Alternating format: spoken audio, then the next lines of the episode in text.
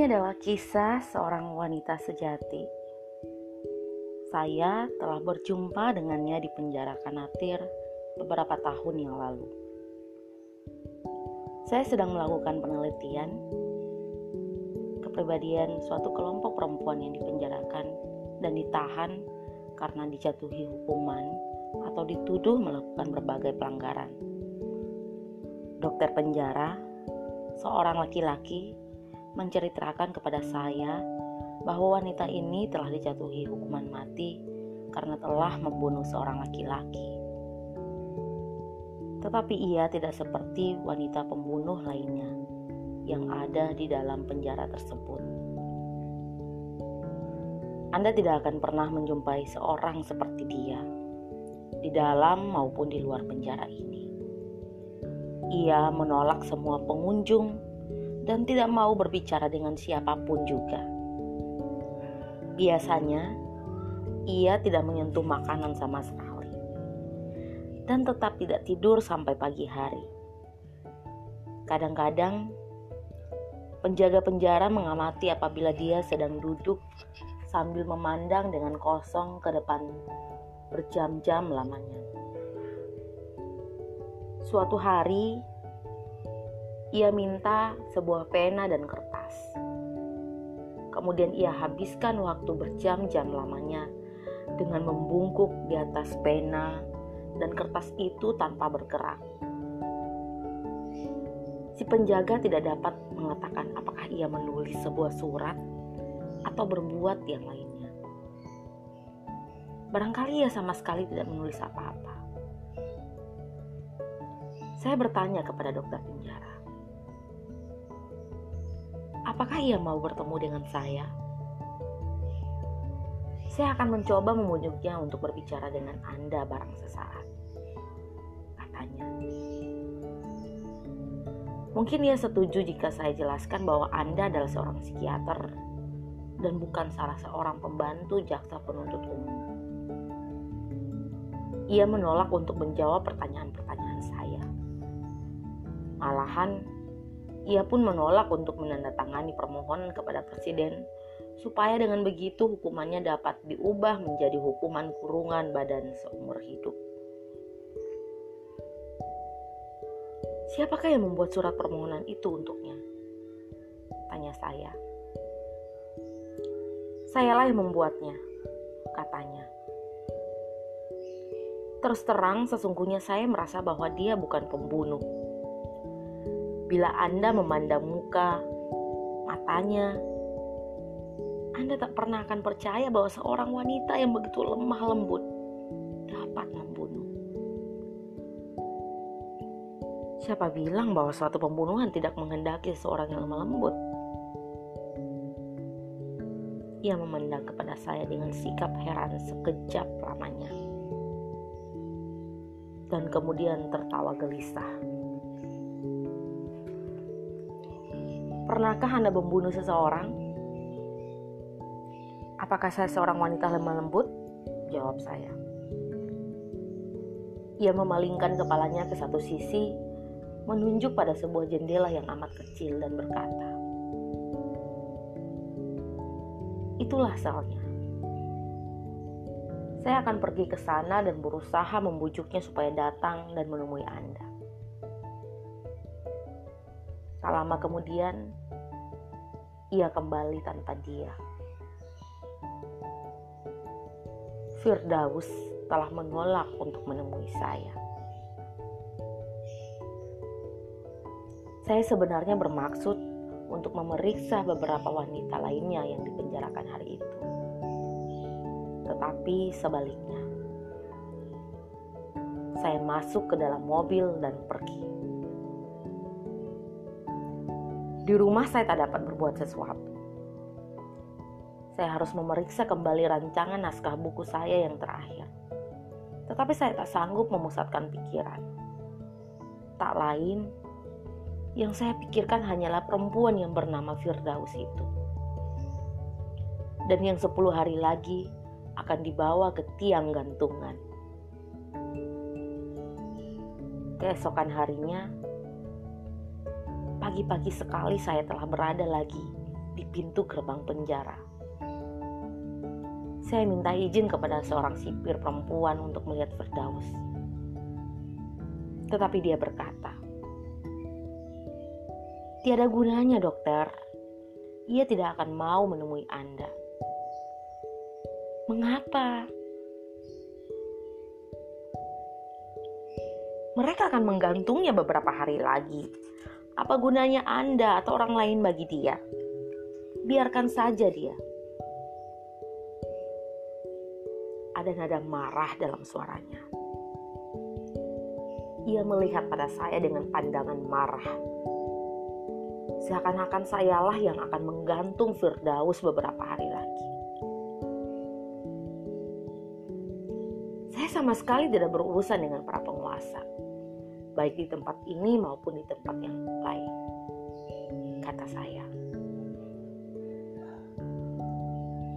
Itulah yang selalu mereka katakan semua, katanya dengan sikap marah. Apa sebabnya kau naik pitam? Tanya saya. Kau pikir Firdaus itu tidak bersalah? Bahwa dia tidak membunuh orang itu? Dia menjawab dengan sikap yang lebih galak pembunuh atau bukan, dia adalah seorang perempuan yang tidak bersalah dan dia tidak perlu dihukum gantung. Mereka itulah orang-orang yang harus digantung. Mereka, siapakah mereka itu? Ia melihat kepada saya dengan sikap curiga dan berkata, "Lebih baik Anda katakan kepada saya, Siapa sebenarnya Anda ini? Apakah mereka itu yang mengirim Anda kemari? Siapa yang Anda maksud dengan mereka? Tanya saya lagi. Ia melihat keliling dengan hati-hati, hampir ketakutan, dan melangkah mundur menjauhi saya. Mereka Maksud Anda mengatakan bahwa Anda tidak kenai mereka itu? Tidak, kata saya. Ia mengeluarkan bunyi tertawa yang pendek dan penuh ejakan sambil berlalu. Saya mendengar ia bergumam kepada dirinya sendiri. Bagaimana mungkin bahwa ia sendiri saja tidak mengenal mereka?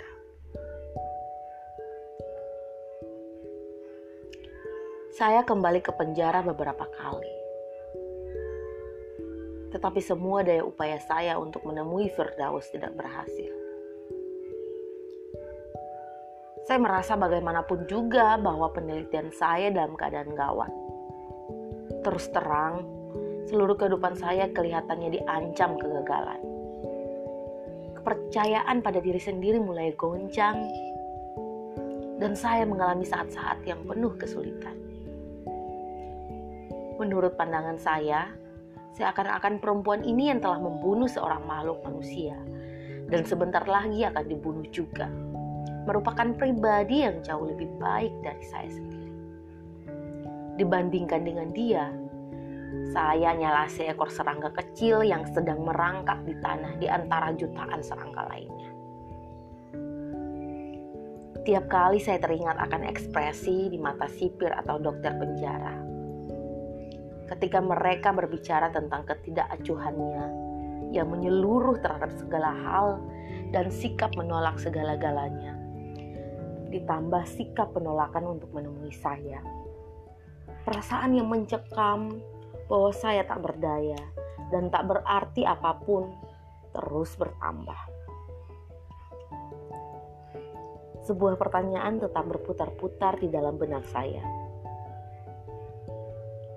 wanita macam apa dia? Sejak dia menolak saya, apakah hal ini berarti bahwa dia adalah pribadi yang lebih baik dari saya? Lagi pula, dia pun menolak untuk mengirim permohonan kepada presiden supaya melindunginya dari tiang gantungan. Apakah itu merupakan tanda bahwa dia lebih baik dari kepala negara? Saya tercekam oleh suatu perasaan yang boleh dikatakan pasti, tetapi sulit dijelaskan. Bahwa ia sebenarnya lebih baik daripada semua orang laki-laki maupun perempuan yang telah biasa kita dengar, lihat, atau ketahui. Saya berusaha untuk mengatasi kesulitan untuk bisa tidur. Tapi sebuah pikiran lain memenuhi otak saya sehingga saya tetap jaga. Ketika dia menolak menemui saya, apakah dia tahu siapa saya? Dan apakah dia menolak saya tanpa mengenal diri saya? Keesokan paginya, saya telah berada di penjara lagi. Saya tidak bermaksud berusaha menemui Firdaus, sebab saya telah kehilangan harapan. Saya sedang menunggu sipir atau dokter penjara. Dokter belum juga tiba, namun saya menjumpai sipir. Apakah Firdaus berkata kepada Anda bahwa dia mengenal saya? Tanya saya. Tidak, ia tidak mengatakan apa-apa. Jawab sipir. Tetapi dia mengenal Anda. Bagaimana Anda tahu bahwa dia mengenal saya? Saya dapat menerka perasaannya. Saya berdiri terpaku seperti berubah menjadi batu. Sipir meninggalkan saya untuk pergi melakukan tugasnya. Saya berusaha untuk bergerak, untuk pergi ke mobil saya dan berangkat, tetapi gagal. Suatu perasaan aneh yang memberat menekan hati dan tubuh saya. Menghilangkan tenaga di kaki saya. Sebuah perasaan yang lebih berat dari bobot bumi. Alih-alih berdiri di atas permukaannya, saya berbaring terhimpit di bawahnya. Juga langit telah mengalami perubahan. Warnanya telah berubah menjadi hitam, seperti warna bumi. Dan menekan saya ke bawah dengan berat yang bertambah. Perasaan ini pernah saya ketahui sebelum peristiwa ini. Beberapa tahun yang telah lampau, saat itu saya jatuh cinta kepada seorang pria yang tidak membalas cinta saya. Saya merasa ditolak. Bukan saja oleh dia, bukan saja oleh satu orang di antara sekian juta yang menghuni dunia yang padat ini tetapi oleh setiap makhluk atau benda yang ada di bumi, oleh dunia yang luas itu sendiri. Saya luruskan bahu saya, berdiri setegak mungkin, dan menarik napas dalam-dalam. Beban di kepala saya berkurang. Saya mulai memandang sekeliling saya dan merasa heran ketika menyadari bahwa saya berada di penjara pada waktu sepagi ini. Sipir membungkuk, menyikat lantai lorong gedung yang berubin. Saya diliputi perasaan jijik luar biasa terhadapnya. Dia tidak lebih dari seorang perempuan yang sedang membersihkan lantai gedung penjara dia tidak bisa membaca atau menulis dan tidak tahu apa-apa tentang ilmu jiwa. Jadi apa sebabnya sampai saya mudah percaya bahwa perasaannya benar? Firdaus sesungguhnya tidak mengatakan bahwa ia mengenal saya.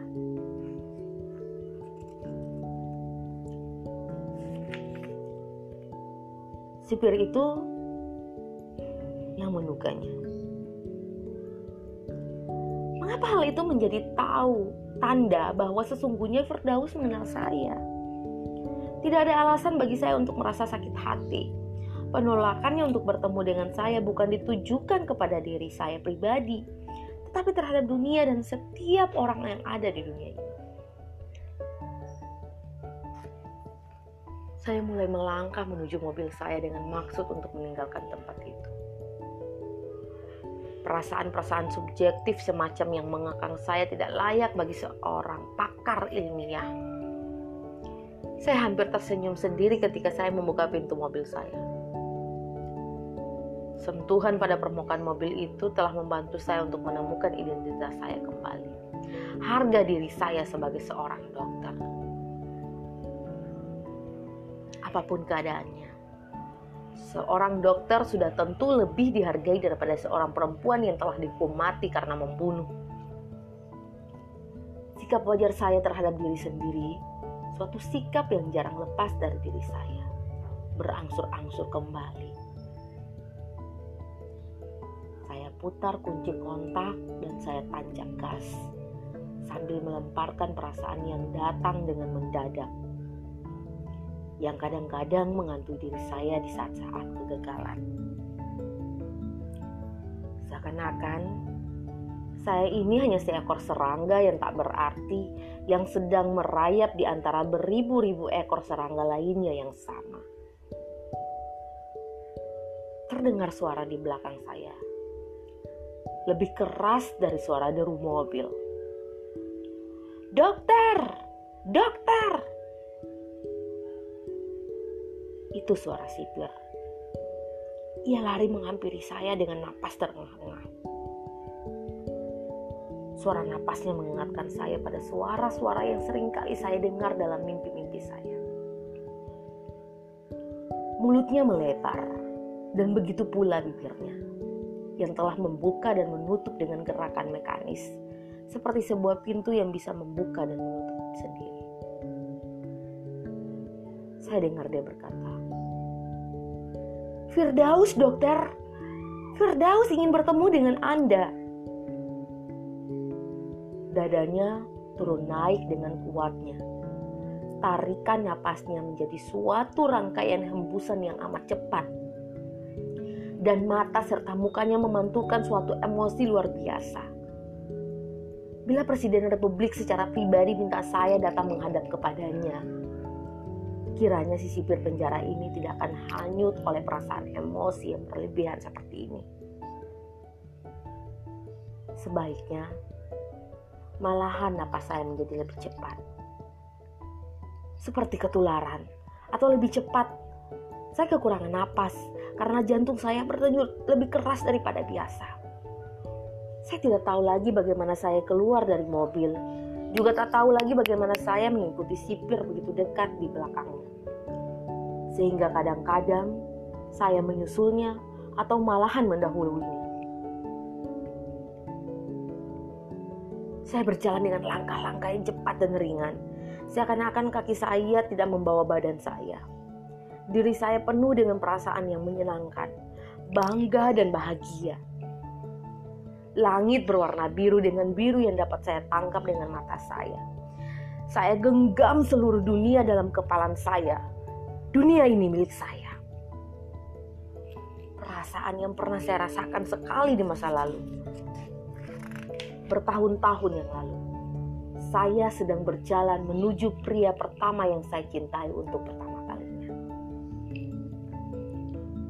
Saya berhenti sebentar di depan sel yang ditempati Firdaus untuk mengatur kembali napas dan merapikan kerah baju saya.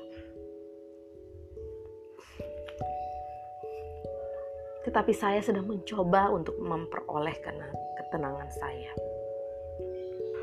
Untuk kembali pada keadaan saya yang wajar. Kesadaran bahwa saya adalah seorang pakar ilmiah, seorang psikiater atau sejenis itu saya mendengar anak kunci yang diputar ke dalam lubang kunci. Berbunyi kasar, berisik. Suara itu mengembalikan diri saya sendiri. Tangan saya mempererat genggaman pada tas kulit dan suara-suara dalam diri saya berkata, siapakah gerangan perempuan yang bernama Firdaus itu? Dia hanyalah tetapi kata-kata dalam hati itu segera berhenti. Sekonyong-konyong kami berhadapan muka. Saya berdiri terpaku diam, tak bergerak. Saya tidak mendengar denyut jantung saya maupun bunyi anak kunci yang telah diputar kembali di lubangnya. menutup pintu yang berat itu di belakang saya. Seakan-akan saya mati di saat matanya menatap mata saya. Mata yang mematikan seperti sebilah pisau menusuk-nusuk menyayat jauh ke dalam. Mata itu menatap tanpa bergerak. Tetap. Tak berkedip sedikit pun.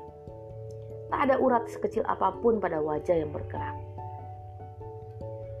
Saya sadar kembali oleh suatu suara. Suaranya mantap, menyayat ke dalam, dingin bagaikan pisau. Ada getaran sedikit pun dalam nadanya. Tak ada riak irama sedikit pun. Saya dengar ia berkata,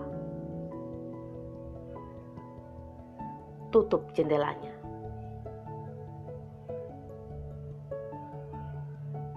Saya bergerak menuju jendela tanpa melihat dan menutupnya. Melayangkan pandangan heran sekitar ruangan. Tak ada apa-apa dalam sel itu. Tak ada tempat tidur atau kursi atau apa pun yang dapat saya duduki.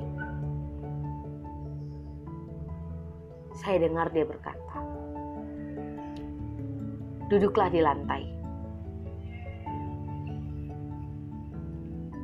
Badan saya membungkuk lalu duduk di lantai.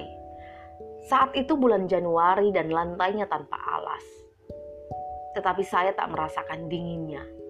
Seperti berjalan dalam tidur. Lantai di bawah saya dingin.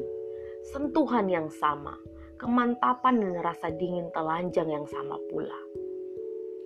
Tetapi rasa dingin itu tidak menyentuh saya, tidak mencapai saya. Rasa dingin lautan di dalam mimpi saya berenang mengarungi airnya. Saya telanjang dan tak pandai berenang. Namun saya tak pernah merasakan dinginnya. Juga tidak tenggelam di dalamnya. Suaranya pun seperti suara yang terdengar oleh orang yang sedang mimpi. Suaranya dekat saya, tetapi seakan-akan datang dari jauh, berbicara dari jarak yang jauh, tetapi timbul dari dekat kita tidak tahu dan mana suara itu muncul dari atas atau bawah, kiri ataupun kanan. Kita mungkin berpikir datangnya dari dalam bumi, jatuh dari atas atap atau dari surga, atau mungkin pula suara itu mengalun dari segala jurusan seperti udara yang bergerak di angkasa sampai di telinga kita. Tetapi ini bukanlah impian. Ini bukan udara yang berembus ke dalam telinga saya. Perempuan yang duduk di lantai di depan saya benar-benar seorang perempuan dan suara yang memenuhi telinga saya dengan bunyinya bergema di dalam ruangan sel yang jendela serta pintunya tertutup rapat itu. Hanyalah suara belakang, suara Firdaus.